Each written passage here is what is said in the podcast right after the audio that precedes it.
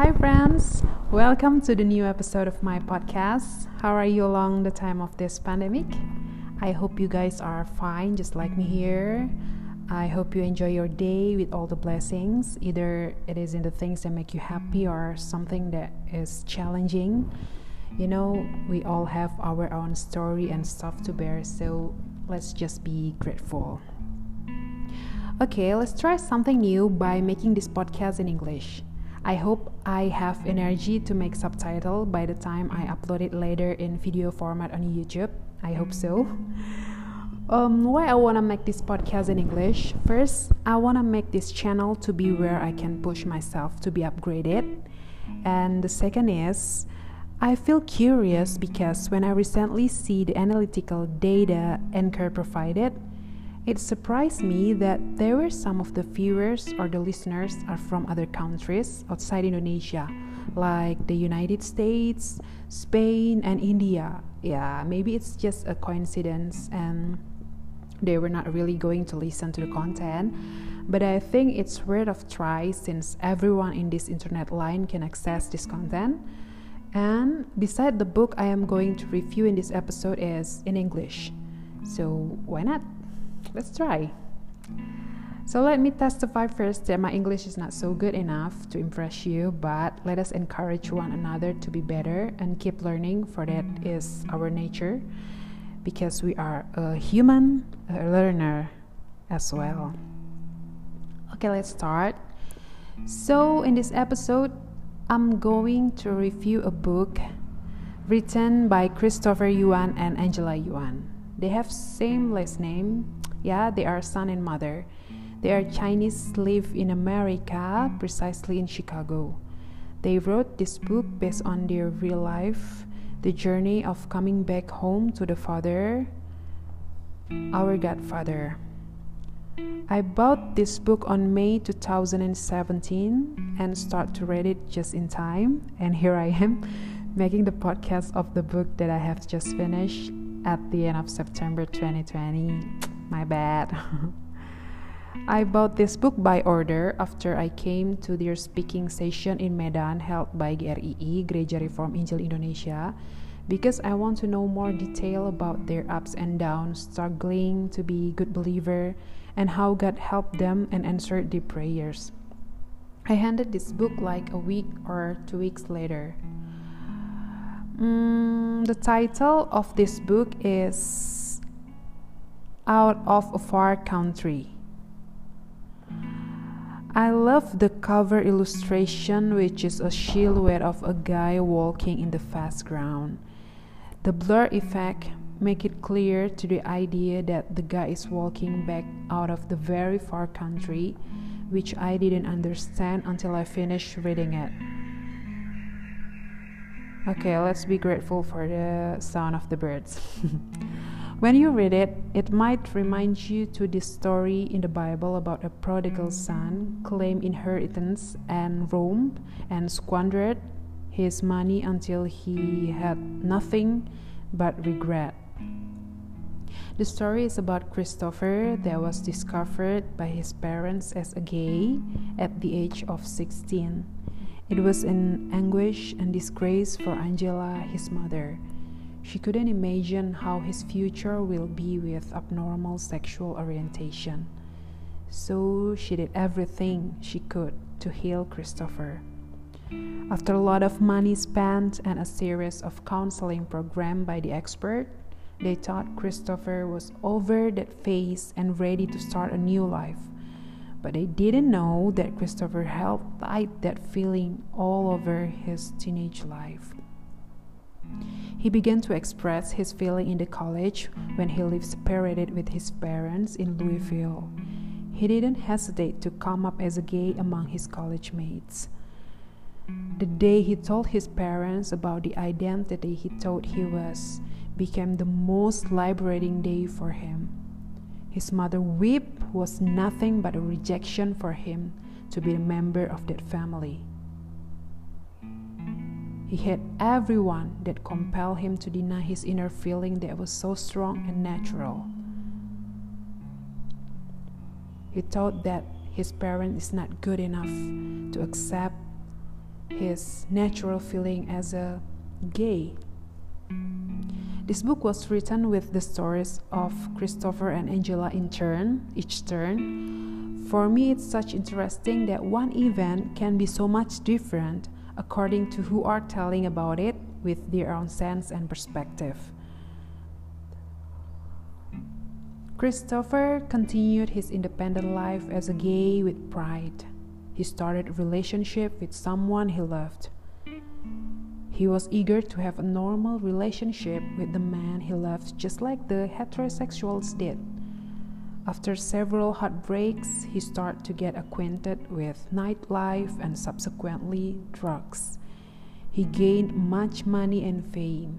He was one of most popular bartender and party maker in the gay club and then became one of the big drug supplier. In this book, he described the sensation of many kinds of drugs like ecstasy and ketamine and many other drugs he had tried if you're curious about it. Party after party, sex with good looking guys, even celebrities, good apartment, sports car, glamorous life. Everything was so blinding that he didn't care anymore about his dental school, even though the dean staff had warned him about his absence. After all the requirements he ignored, he got expelled from his doctorate school just few months before the graduation. It was nothing for him compared to his indulged life. Meanwhile, when life was going so delightful for Christopher, his mother, Angela, also shared about darkness, deep one, and hopeless to death. She lost her last and only hope in life, that was to see Christopher become the dentist, just like his father. She always dreamed for him get married, give her grandchildren, inherit and run the dental office she and her husband established. There was nothing to be real, no hope for her. Her life was never felt happy, even though they were succeeding in many things and complete on the outside. People used to think that their family is well, but her relationship with Leon, her husband, was totally lifeless. They used to have ears without communication, and it was normal for them. Leon never showed that he cared about their family instead of keep being silent. With no response of Leon to the great shock in their family caused by Christopher, she felt totally empty and alone as well. Then she decided to finish all the sorrow by putting her life to an end. She had been an atheist for her life, but before leaving this earth, she needed someone to talk to, and it definitely was not her husband. So she went to a chaplain and cried to him. She thought it was a good last moment before killed herself. The next morning, she took the train to Louisville to say final goodbye to Christopher. In the sorrow on the train, she remembered the booklet that was given to her by the chaplain she went to. She, read it and was startled with the title Homosexuality an Open Door. She decided to read it the booklet for Christopher. The booklet explained that God loves everyone, even homosexuals, not because of what they do, but because of who they are. They are God's creature. Then the thought came to her feelings, said if God can love her son regardless of what he did, then she could still love him as well. As she continued reading, she then realized that she wasn't reading it for Christopher, but for her own self. It spoke about death. Death was the result of our brokenness, our failures, our imperfections as human. But instead of our dying, Christ has died for us so that we wouldn't have to die. We become His daughters and sons. Nothing can separate us from the love of God that is in Jesus Christ. Suddenly, a calmness came over her. Knowing that she was belonged to someone is so comforting. All her life, she wanted to belong belong to her parents, belong to her husband, belong to her children, but never she got it. Then God was telling her that she didn't belong to anybody on earth. She belonged to Him, and she was loved by Him.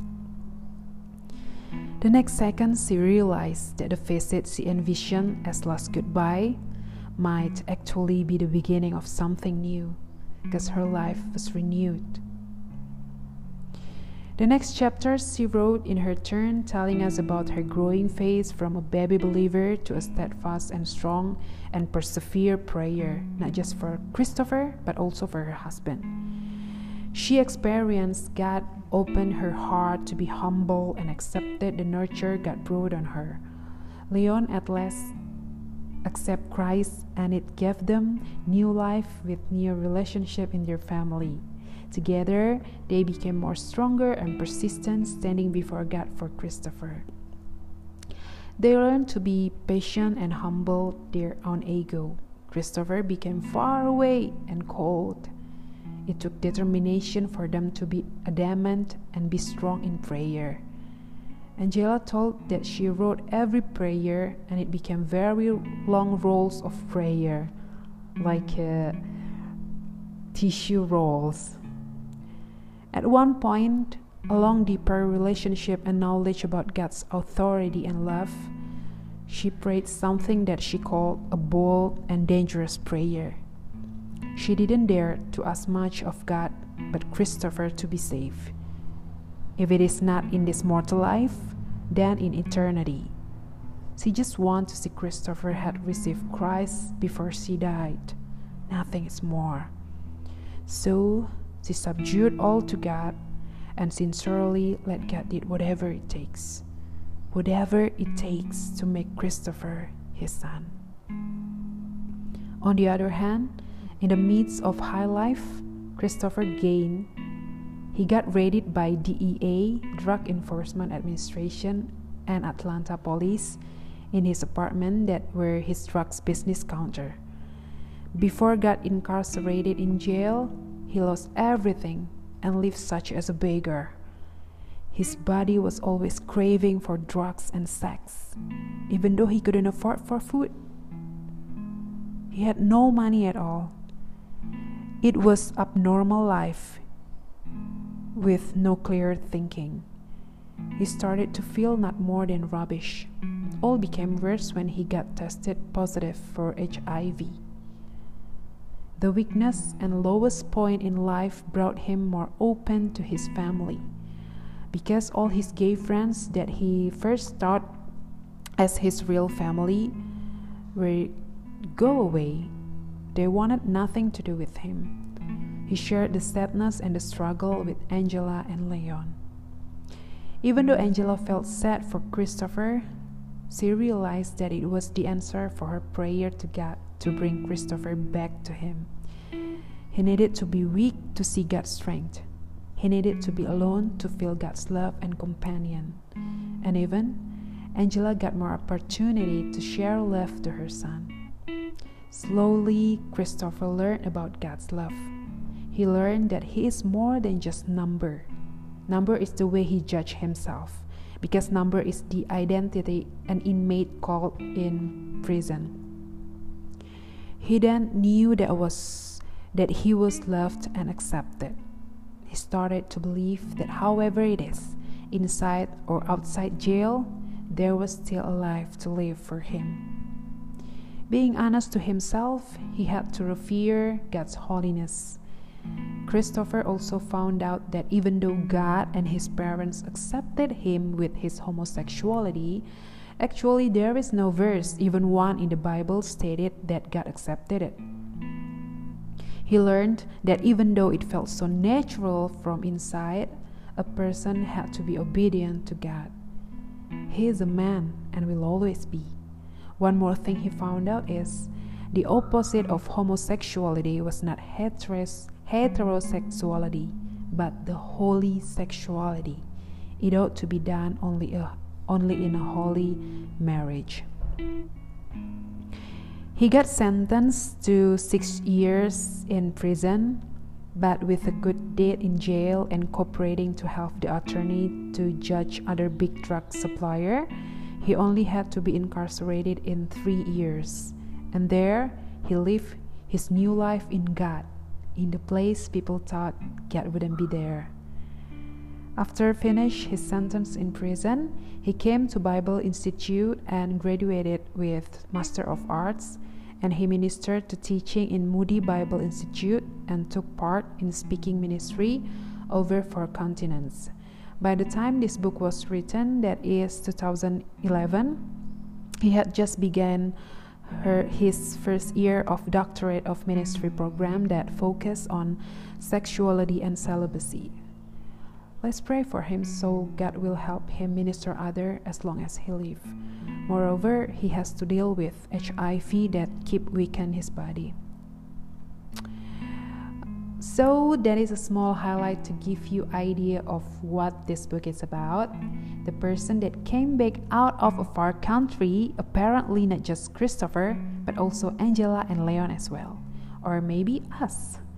Many times my eyes were in tears when I imagined how a person created by God with kindness can be so broken and become so far away from the real goodness because we are still by our own desires. But in other hand, I fell into sadness for Angela, whose life is so succeed according to humanity measure, but totally empty inside. Maybe we have same kind of feeling in different case. May this story open our eyes to come to God that will give us love and acceptance abundantly. I recommend you to read this book. Just go to his Facebook page, Christopher Yuan, to see the information about this book. If I am not mistaken, this book is on sale on Kindle. I'm sure that you will get the lessons for your own different from mine. Let me write down my lessons from this book here. First, when we pray, focus on what is eternal more than earthly desire that is temporary. Second, God doesn't work according to our way, but He has the perfect way that we must believe in. Third, when God fixes something, it will be entirely and not just in the small thing that we think is wrong. Sometimes it hurts, but we must obey and persevere. Okay, friends, let's not stop to learn and share. Give me your input through WhatsApp if we keep number each other or comment to make me better. For the last, I encourage you to try read and speak English not just for a particular goal like scholarship or another high goals, but at least to extend our ability to thinking and focus. Especially you that are in the same age like me, let's keep optimizing our brain's work. Um, for a short story, I restart have the willingness to maximize my English and have the courage to speak in English when I attended English camp held by LCE. I thank God for that occasion. I uh, in I attended in 2017. I purposely take my day of working and enjoy the occasion for three days. Something changed in me was not actually my English ability yet, but the mindset.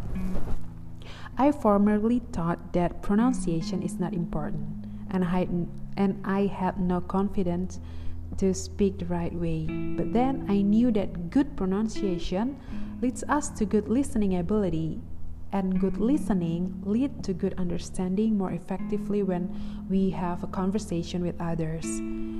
Each session of talk, discussion, and games with people who were mostly younger than me make me realize that I became older, that I have no audacity to practice my English. My pride is too high. It's not about the age of my body, but my soul. When I was surrounded by young spirited people that didn't hesitate try to talk in front of others members, even though their English were not so good. Actually, their English is same like me, but I felt shame to myself for not having the same braveness like them. The learning atmosphere brought the, by the facilitator was also so good. We didn't just talk about English itself, but many principles of life. They were so much interesting. Like their name, Learning and Cultural Exchange (LCE), we also got fun information and stories about other countries' culture presented by the native facilitator. I always want to come back someday. I always. During this pandemic, they have online class that you can check out on their Instagram at LCE Medan and maybe it can be the choice for you or your siblings or anyone that you wish to be established.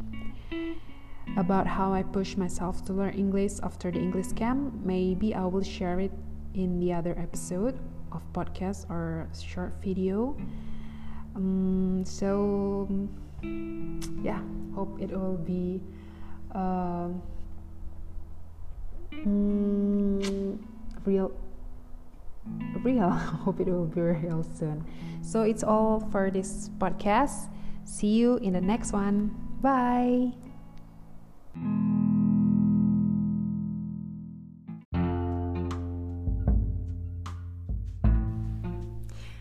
Halo halo teman-teman Udah lama ya kita nggak ketemu di ruang podcast ini uh, Sejak podcast yang ketiga Oke, okay Hari ini seperti biasa di episode kali ini masih bahas tentang buku yang dibaca juga. Suara motor lewat. Hari ini kita akan bahas sebuah buku dengan topik yang menarik ya. Uh, buku ini ditulis oleh Henry Manempiring dan kalau kita baca di halaman terakhirnya beliau bilang sering disebut dia sering dipanggil Om Piring, unik namanya. Sama seperti judul bukunya yang dia tulis, uh, judulnya adalah Filosofi Teras. Teman-teman saya yakin pasti sering udah banyak yang tahu lah uh, buku ini karena dari beberapa sosial media aja seperti Instagram dan YouTube saya udah ketemu beberapa kali review tentang buku ini, tapi singkat aja gitu. Nah, hari ini kita bahas ini karena saya baru aja selesai membaca bukunya dan pengen berbagi apa yang saya dapatkan dari buku ini. Buku ini uh, dibantu ilustrasinya oleh Levina Lesmana dan ilustrasinya menarik sekali. Jadi nanti teman-teman kan bisa lihat sendiri di cover ya. Di sampulnya itu ada gambar tiga orang, yang dua orang pakai baju kekinian, yang satunya lagi pakai baju ala-ala Yunani kuno gitu. Uh, terus pegang ada di depannya ada gulungan kitab, terus dia lagi ngomong. Tapi di sebelah kirinya, atau sebelah kanannya ya, sebelah kirinya itu ada minuman kekinian yang dengerin juga sambil minum itu dan yang satu lagi lagi megang smartphone jadi kayaknya pesan yang mau disampaikan oleh melalui ilustrasi ini adalah bahwa filosofi teras yang ada atau yang dibahas di buku ini tentunya masih sangat relevan untuk anak-anak zaman sekarang atau generasi milenial gitu. Kita masuk ke dalam uh, bukunya, isinya sendiri itu ada 12 bab 12 bab um, yang menurut saya sih pembagian babnya bagus gitu mulai dari um, kayak semacam kayak latar belakang gitu sampai ke kesimpulannya gitu. Kita masuk ke bab 12 uh, ke penutupnya itu masuk gitu rangkaian benang merahnya. Nah teman-teman uh, sebelum beli mungkin bisa dengerin dulu kira-kira isi dari buku ini tentang apa gitu keterkaitan bab demi babnya.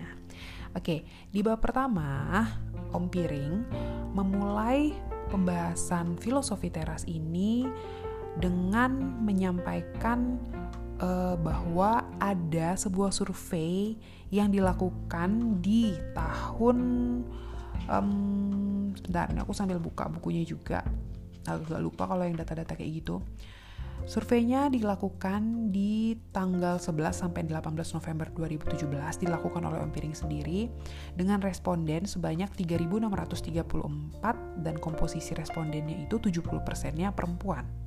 Wow. Terus umurnya itu kelahirannya range-nya antara 1980 sampai 2000. Jadi sampai 2018 penduduk milenial tertuanya itu ada di usia 38 tahun dan yang uh, ya kebanyakan 30 tahun mungkin udah menikah atau jadi orang tua ya dan yang termuda berusia 18 tahun kayak baru mulai kuliah atau udah selesai kuliah kali ya dan sudah jadi apa sudah bekerja gitu. Nah, menariknya dari hasil survei nasional ini hampir semua um, responden itu ternyata punya hal yang dikhawatirkan dalam hidup gitu. Jadi um, kalau untuk hidup keseluruhan, itu dua dari tiga responden mengaku merasa khawatir tentang hidup secara umum. Nah, kalau misalnya mau dilihat uh, lagi, apa-apa aja sih yang sering dikhawatirkan oleh orang-orang ya beragam gitu. Ada yang khawatir kalau misalkan yang lagi kuliah nanti habis dia kuliah dia akan bekerja di mana gitu. Kemudian kalau misalnya yang sudah bekerja gimana nanti jenjang karirnya? Terus yang menikah yang belum menikah nanti kekhawatiran akan masalah mendapatkan jodoh atau tidak gitu. Terus kalau yang sudah punya anak eh, gimana nanti cara mendidik anak? Gimana eh, keadaan finansial mencukupi atau enggak gitu. Sampai mungkin sampai ke kematian gitu. Nah itu semua ternyata semua orang punya kekhawatiran itu. Nah Om Biring ini mengkaitkannya ke filosofi teras dengan pemahaman bahwa uh, masuk uh, filosofi terasnya dimulai dari oh mungkin kita mulai dari apa artinya filosofi terasnya dulu ya. Filosofi teras ini sendiri sebenarnya berasal asal katanya dari filsafat stoicisme atau stoa itu dari bahasa Yunani. Um, tapi karena dulu diajarkannya, jadi orang Yunani dulu itu memang adalah orang-orang yang intelijensinya tinggi dan suka sekali mendengarkan pengajaran-pengajaran yang menurut mereka penting gitu. Jadi uh, filosofi teras ini atau stoicisme ini atau stoa ini dulu diajarkan di space yang seperti teras ada pilar-pilarnya gitu. Nah, jadi kayaknya sekarang itu relevan kalau disebut filosofi teras gitu. Nah, um, kekhawatiran balik ke kekhawatiran yang tadi, uh, ini menjadi gerbang atau pintu untuk masuk ke kenapa filosofi teras ini dibutuhkan, relevan di zaman sekarang gitu. Nah, jadi prinsip dalam filosofi teras uh, ada yang disebut namanya dikotomi kendali. Jadi uh, prinsip awal dari filosofi teras ini uh, membagi kendali manusia itu ke dalam dua bagian, jadi dikotomi kendali. Satu adalah hal-hal yang bisa kita kendalikan di bawah kontrol kita sebagai manusia, dan yang kedua adalah hal-hal yang kita tidak bisa kendalikan atau di luar kontrol kita sebagai manusia. Nah, menariknya, menurut survei kekhawatiran nasional tadi, survei khawatir nasional, hal-hal yang kita khawatirkan itu adalah memang hal-hal yang jelas-jelas kita nggak bisa kendalikan gitu. Jadi um, di filosofi teras ini nanti uh, akan dipaparkan gimana caranya kita bisa melangkah, belajar gitu, waktu demi waktu untuk bisa dengan cerdas me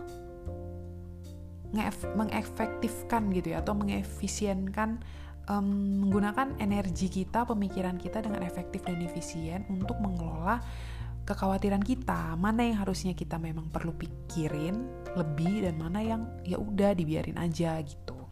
Nah, balik ke dikotomi kendali tadi, uh, itu kan prinsip awalnya dikotomi kendali, tapi berkembang. Ada juga penulis-penulis baru. Kemudian aku lupa namanya dia mas menambahkan lagi satu uh, jenis kendali lagi. Jadi dikotomi kendali tadi ada kan yang kedua adalah hal-hal yang tidak bisa kita kendalikan. Nah dia bagi lagi hal-hal yang tidak bisa dikendalikan itu menjadi dua yaitu uh, preferred indifferent dan unpreferred indifferent. Artinya itu ada hal-hal yang kita tidak bisa kendalikan contohnya hmm, gimana nanti kita sehat atau enggak? Kita kan nggak bisa mengendalikan. Uh, gimana nanti kita bisa kaya atau enggak itu kita nggak bisa kendalikan. Kita uh, bisa jaga anak kita untuk tetap sehat atau enggak kita juga bisa nggak bisa kendalikan. Anak kita nanti bakal jadi orang berhasil atau enggak kita nggak bisa kendalikan. Kita nggak pernah tahu juga nggak bisa kendalikan masa depan kita seperti apa di di kantor kita itu seperti apa. Nah tapi uh, dibagi lagi uh, hal-hal yang tidak bisa kita kendalikan itu dibagi menjadi dua. Nah, meskipun hal-hal itu tidak bisa kita kendalikan, tapi ada hal-hal yang nggak bisa kita kendalikan, tapi kita ingin untuk mendapatkannya. Contohnya, kita pengen cantik, kita pengen sehat, kita pengen panjang umur, gitu. Itu kan memang nggak bisa kita kendalikan, tapi kita ingin dapatkan. Nah, tapi ada juga hal-hal yang tidak bisa kita kendalikan, tapi kita pengennya orientasi manusia itu kebanyakan ya kita mau menghindarinya. Contohnya, uh, kita ketemu masalah yang sulit, misalnya kita pas lagi jalan terus mungkin ada kecelakaan pasti kita pengennya ngindarin itu kematian gitu. Dan hal-hal yang ya pada umumnya manusia pasti nggak sukai gitu. Itu perkembangannya. Nah uh, berangkat dari itu dulu, jadi orang-orang harus, menurut Om Piring, harus dulu memahami bahwa semua hal yang kita hadapi itu pasti masuk dalam dikotomi atau trikotomi kendali ini. Nah, pertanyaan selanjutnya, gimana kita bisa menyikapi eh, hal-hal uh, yang kita bisa kendalikan dan hal-hal yang tidak bisa kita kendalikan? Nah, prinsip yang paling mendasar dari uh, filosofi teras ini atau stoicisme ini adalah kita harus hidup selaras dengan alam. Nah, dalam hidup selaras dengan alam itu ada empat prinsip dasar. Yang pertama itu adalah, uh, aduh, aku agak lupa. Ada keberanian, kemudian ada pengendalian diri, kemudian ada bersikap adil, dan ada hmm, keberanian. Sebentar aku buka dulu bukunya. Agak lupa.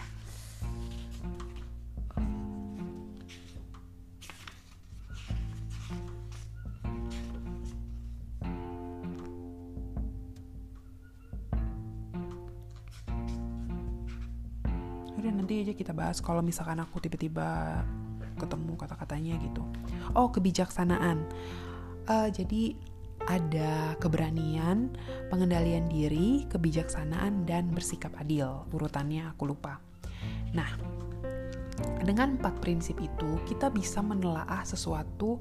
Um, kalau misalnya kita um, mau dituntut untuk bersikap terhadap sesuatu, kita analisa aja gitu. Apakah tindakan yang akan kita rencanakan untuk ambil adalah tindakan yang selaras dengan alam dan sesuai dengan keempat prinsip tadi gitu. Untuk contohnya mungkin nanti kita di belakang aja.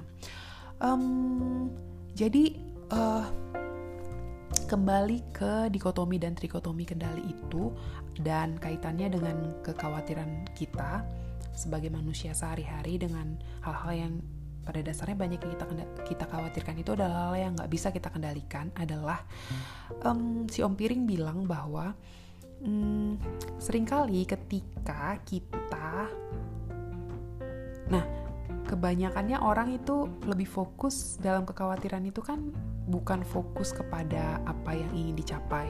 Uh, kalau aku sih dari sudut pandangku dari apa yang aku baca dari preferred indifferent sama yang unpreferred indifferent pasti kalau kita kaitkan sama kekhawatiran pasti orang akan lebih banyak uh, orientasinya ke gimana caranya menghindari hal yang buruk kan gitu. Makanya khawatir gitu kan. Nah, padahal sebenarnya ketika sebuah hal yang kita bur bilang buruk itu terjadi, contohnya um, kita gagal nih, kita misalnya menawarkan sebuah produk ke customer ya karena aku pegawai bank jadi mungkin contoh yang paling dekat itu yang bisa aku ambil misalnya kita menawarkan produk ke seorang customer kemudian ditolak gitu nah ditolaknya produk yang kita tawarkan kepada customer kita atau calon pembeli kita itu kan sebuah fakta, sebuah objek yang kita lihat gitu, yang kita rasakan. Tapi sering kali yang kita bawa dalam pikiran kita adalah value judgment kita terhadap objek itu. Nah, jadi kita ditolak itu satu hal. tapi hal yang lain adalah hmm, kita menganggap hal, kita menilai dan mengembangkan itu di dalam pikiran kita sebagai sesuatu yang buruk dan kebanyakannya justru pengolahan pikiran kita itu tadi yang mempengaruhi cara berpikir kita. Nah, ketika kita mengembangkan persepsi itu atau value judgment itu, um, aduh, ada beberapa hal di dalamnya yaitu um, ada tiga prinsip yang biasanya dipakai oleh manusia uh, lazimnya gitu. Yang pertama, dia akan um,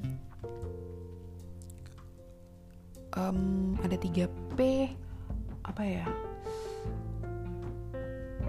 Um,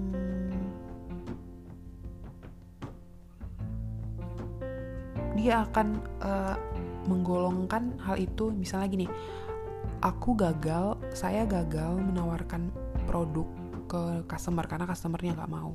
Nah saya langsung ngejudge wah sial nih hari ini gitu. Uh, gagal nih hari ini gitu. Itu itu sendiri perasaan seperti itu sendiri udah mendatangkan uh, down gitu ya rasa down di hati kita gitu. Nah tapi biasanya manusia nggak sampai di situ, harusnya sampai di situ, tapi dia mengembangkannya lagi ke pemikiran yang lebih luas gitu. Hmm, aku lupa istilahnya, tapi akhirnya dia memikirkannya ke mengarahkannya ke hal yang lebih luas. Tuh kan uh, customernya nggak mau. Emang aku sih yang nggak pinter untuk menjelaskannya. Emang aku bodoh gitu. Emang aku nggak mampu gitu. Dan itu akhirnya bikin kita jadi merasa nggak punya kompetensi gitu. Nah yang ketiga makin parah lagi kita berpikir bahwa karena kita mikir ini hal yang buruk terus aku emang bodoh nggak bisa nggak punya kapabilitas untuk menawarkan produk yang bikin customer tertarik masuk lagi ke kesimpulan ketiga, sering kali kita akhirnya bilang sampai pada kesimpulan ya mungkin sekali dua kali kita gagal terus kita langsung nyimpulin bahwa ya beginilah aku akan kayak gini-gini aja karena aku nggak punya kompetensi hidupku bakalan sial, hidupku bakalan gak berkembang karena setiap kali aku nawarin produk pasti aku nggak, uh, customerku nggak mau gitu. Jadi itu yang akhirnya bikin kita kehilangan nilai diri kita, terus kita jadi ngerasa bahwa hidup kita sial dan ya kita sibuk dalam kekhawatiran gitu. Padahal sebenarnya kita ditolak oleh customer ya udah itu faktanya gitu. Tapi kita ya sibuk dengan mengembangkan pikiran-pikiran buruk yang tadi prinsip yang tiga tadi gitu. Nah uh, di bab itu dibahas bahwa ketika kalau kita mem sudah belajar filosofi teras dan memahami dikotomi kendali atau trikotomi kendali itu tadi, ketika kita mm, masuk kepada value judgment yang gak sehat tadi itu, yang tiga tahap tadi, harusnya seseorang yang sudah mempraktikkan filosofi teras ini atau stoicisme ini akan langsung stop, akan berhenti dan mengingatkan dirinya untuk uh, enggak kita emang gagal, aku memang gagal, tapi bukan berarti aku bodoh. Nah, dia mungkin akan langsung cari langkah yang lebih positif untuk bisa membuka peluang di hari kemudian. Jadi, gak akan lama-lama untuk mengembangkan terus, mengembangkan terus sampai akhirnya lebih milih untuk bersedih gitu, diam, gak ngapa-ngapain dan terus aja uh, menikmati kegagalan itu gitu. Jadi seorang praktisi filosofi uh, stoicisme ini pasti akan bisa terlatih untuk secara otomatis berhenti ketika dia berada di value judgment yang gak sehat gitu. Dan semakin lama mempraktikkan itu malah ketika kita menghadapi sebuah masalah kita akan secara otomat automatically gitu secara otomatis akan langsung membuat cara berpikir yang stop gitu. Kalau misalkan kita mengalami hal buruk stop. Udah ini faktanya terus ngapain gitu. Bukan nggak sibuk berlama-lama gitu. Walaupun itu bukan berarti kita nggak mengevaluasi ya. Justru kita akan mengevaluasi dengan poin uh, sudut pandang yang lebih um, tinggi gitu. Jadi kita di, di, diajarkan untuk melihat sesuatu dari helikopter view-nya gitu. Supaya kita nggak sibuk sama diri kita sendiri. Gitu. Jadi kita akan bisa lihat bahwa ya namanya kegagalan itu ya biasa. Uh, mungkin aja ketika kita ngelihat dari point of view yang lebih tinggi gitu ya sudut pandang yang lebih tinggi uh, kita kan bisa ngeliat ya emang customerku mungkin bisnisnya emang lagi nggak membutuhkan produk yang aku pakai? Atau mungkin dia sudah terima duluan penawaran dari orang lain gitu dan dia sudah terlanjur menyetujui? Jadi kita nggak sibuk sama diri kita sendiri tapi juga melihat dari sudut pandang yang lebih luas gitu. Nah uh, selanjutnya apa ya dari filosofi teras ini? Uh, kita di nah itu kan tadi prinsip-prinsipnya. Nah sekarang kita masuk ke hidup sehari-hari gitu. Um, kalau kita menghadapi situasi yang nggak menyenangkan kayak gitu tadi atau situasi yang kita sebut sulit yaitu kita di, disuruh untuk memperkuat mental. Memperkuat mental ini um, ya agak nanti teman-teman baca sendiri aja tapi kita disarankan untuk mencintai hal-hal yang tanda petik jelek menurut kita. Kenapa? Karena seorang praktisi uh, stoa atau filosofi teras pasti akan bisa melihat bahwa melihat sisi lain dari sebuah kesulitan sebagai sebuah pembelajaran gitu. Karena pasti akan ada hal yang dia bisa uh, jadikan sarana untuk bikin dia lebih bertumbuh, lebih dewasa dan lebih punya kapabilitas lagi melalui kesulitan. Jadi orang-orang filsuf stoa itu percaya bahwa orang tangguh nggak akan mungkin dihasilkan dari hidup yang mudah. Jadi uh, agak unik juga bahwa praktisi stoa ini justru katanya malah uh, suka memposisikan diri dalam kondisi sulit gitu. Jadi misalnya dia sebenarnya punya uang tapi dia akan bikin secara frekuen uh, frekuentif gitu. Gimana sih rasanya orang susah misalnya dia puasa atau dia hidup dengan sangat sederhana supaya bisa tetap berdiri di tanah gitu, berpijak di tanah karena manusia gampang sekali beradaptasi dengan apa yang dia punya. Jadi kalau pas kita udah punya banyak biasanya kita lupa caranya bersyukur menghargai apa yang kita punya gitu. Jadi mental. Terus kemudian kalau kita ketemu sama orang-orang yang menyebalkan nah itu kan emang gak bisa dipungkiri ya. Uh, kita mengalami situasi sulit itu satu hal tapi sering kali kita juga berada di kondisi yang menyebalkan. Nah, pertanyaannya apakah filosofi teras ini mengajarkan kita untuk nerimo aja gitu ketika kita diperlakukan dengan tidak kita tidak suka gitu oleh orang-orang sekitar kita. Nah, instruks uh, prinsip dari filosofi teras ini kita diajarkan untuk dalam berlaku kepada orang itu ada dua. Yang pertama instruct dan endure. Jadi kalau misalnya benar nggak ya cara bacanya? Instruct itu artinya kita harus secara aktif, secara proaktif menularkan hal-hal baik yang kita tahu kepada orang yang melakukan hal yang salah. Jadi misalnya gini, uh, kita ketemu orang yang misalnya buang sampah. Nah, praktisi filsuf stoa itu bukanlah orang yang akan membiarkan sesuatu yang gak benar terjadi gitu aja di depan matanya. Dia akan secara aktif mengingatkan dengan cara yang baik tentunya kepada sesamanya ini mengingatkan bahwa buang sampah sembarangan itu nggak baik. Nah, ketika si orang yang diingatkan ini nggak mengindahkan, ya udah masuk ke uh, tahap kedua yaitu kita ya udah enjur ya tahan aja, ya udah gitu. Toh dia juga kan bukan orang yang eh, sama-sama berhak untuk tinggal tapi yang penting kita udah bilang kita nggak perlu jadi stres nggak perlu jadi oh, lama-lama mendongkol gitu ya udah kita tahan aja gitu. Kalau misalnya kita memang sudah nggak tahan ya um, mungkin ada langkah-langkah yang bisa kita ambil. Tapi jangan sampai kelakuan orang itu mengganggu uh, kesehatan mental dan pikiran kita gitu. Terus kemudian kayaknya udah cukup jelas ya isinya. Nah uh, di bab 9 itu dibahas juga khusus satu bab gimana prinsip-prinsip uh, filosofi stoicisme ini atau filosofi teras ini ketika kita dapat kesempatan untuk menjadi orang tua. Karena ternyata kekhawatiran terbesar itu di diri orang tua adalah gimana dia bisa membesarkan anaknya. Nanti anaknya bakalan punya masa depan yang cerah nggak ya? Anaknya nanti um, akan ambil langkah apa ya? Bisa nurut nggak ya sama keinginan kita? Nah jadi di situ dijelasin. Uh, jadi teman-teman boleh baca dan memang sangat menarik Kemudian di bab berikutnya juga kita diingatkan bahwa kita itu harus bisa tadi ya kita kan helikopter view nih. Jadi kita nggak boleh memandang diri kita ini cuman sebagai individu kita. Jadi dengan sekat-sekat yang sangat sempit misalnya aku orang Batak aku perempuan aku agama Protestan gitu harusnya seorang praktisi stoa itu harus bisa melihat sampai ke lingkup yang lebih luas yaitu aku ini adalah warga Indonesia warga dunia gitu. Jadi setiap keputusan yang kita ambil setiap hmm, langkah yang kita lakukan atau lifestyle kita harus juga mempertimbangkan bagaimana kondisi masyarakat kita, lingkungan kita, bagaimana kondisi negara kita, dan bagaimana pada akhirnya apa yang kita lakukan itu bermanfaat buat dunia, karena kita ini warga dunia, gitu. Um, dan yang bab 11, bab 12 itu isinya penutup epilog gitu, uh, dan kayak ringkasan-ringkasannya lagi dari bab 1 sampai 11 itu. Um, di bab 11 dibahas tentang kematian. Ini banyak ya pasti hampir semua manusia takut ya akan kematian gitu.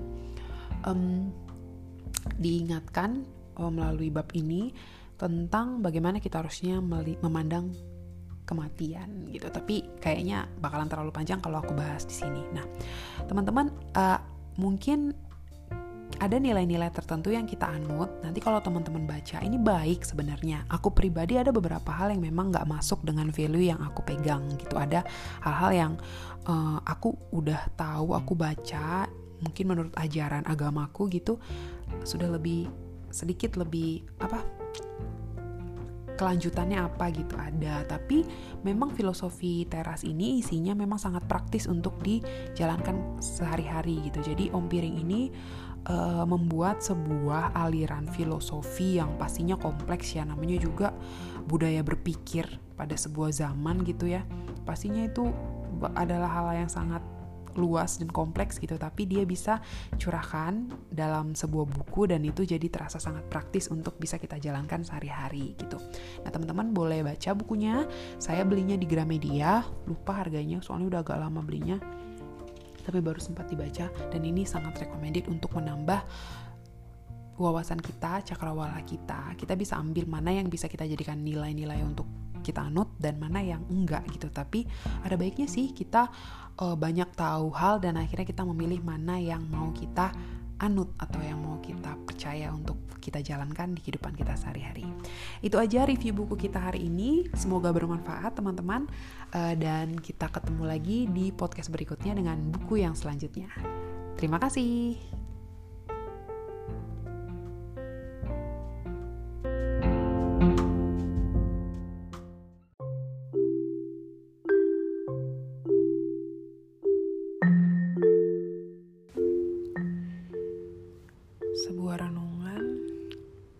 Sabtu tanggal 26 Maret 2022 pukul 22.30. Terinspirasi dari Mazmur 19 ayat 1 sampai 14. Doa Raja Daud hari ini sangat menyentuh hatiku. Air mataku terus mengalir. Sedih dengan perjuangan yang aku alami tapi ada rasa bahagia juga. Bagi Raja Daud, hukum Tuhan itu sempurna. Perintahnya terpercaya dan memberi terang. Segala ketetapan Tuhan itu membangun. Semua hal itu lebih berharga daripada emas murni. Dulu semua kata-kata itu basi bagiku Mentaati Tuhan hanya seperti pelengkap yang mungkin akan bisa menghindarkan diri kita dari bahaya. Tapi ketika aku menjalani proses mengejar apa yang aku inginkan, aku dapati bahwa sering kali kegagalanku itu ada pada ketidakdisiplinan dan ketidakmampuan melawan keinginan daging. Akhirnya aku menjadi manusia yang tidak merdeka untuk mengejar cita-cita yang baik. Di bagian berikutnya Raja Daud menyatakan harapan bahwa manusia hanya dapat memahami jalannya yang serong karena Tuhan yang menunjukkannya. Tuhan mengampuni dosanya bahkan yang tidak diketahui, yang tersembunyi dari orang lain. Dan juga dosa yang dilakukan dengan kemauan sendiri, karena ketidakberdayaan pada kedagingan sendiri. Raja Daud meminta kepada Tuhan agar dosa itu tidak berkuasa atasnya, karena dia tahu semua itu menghalangi dia untuk menjadi manusia merdeka yang menyenangkan hati Allah dan merasakan keintiman dengan Tuhan.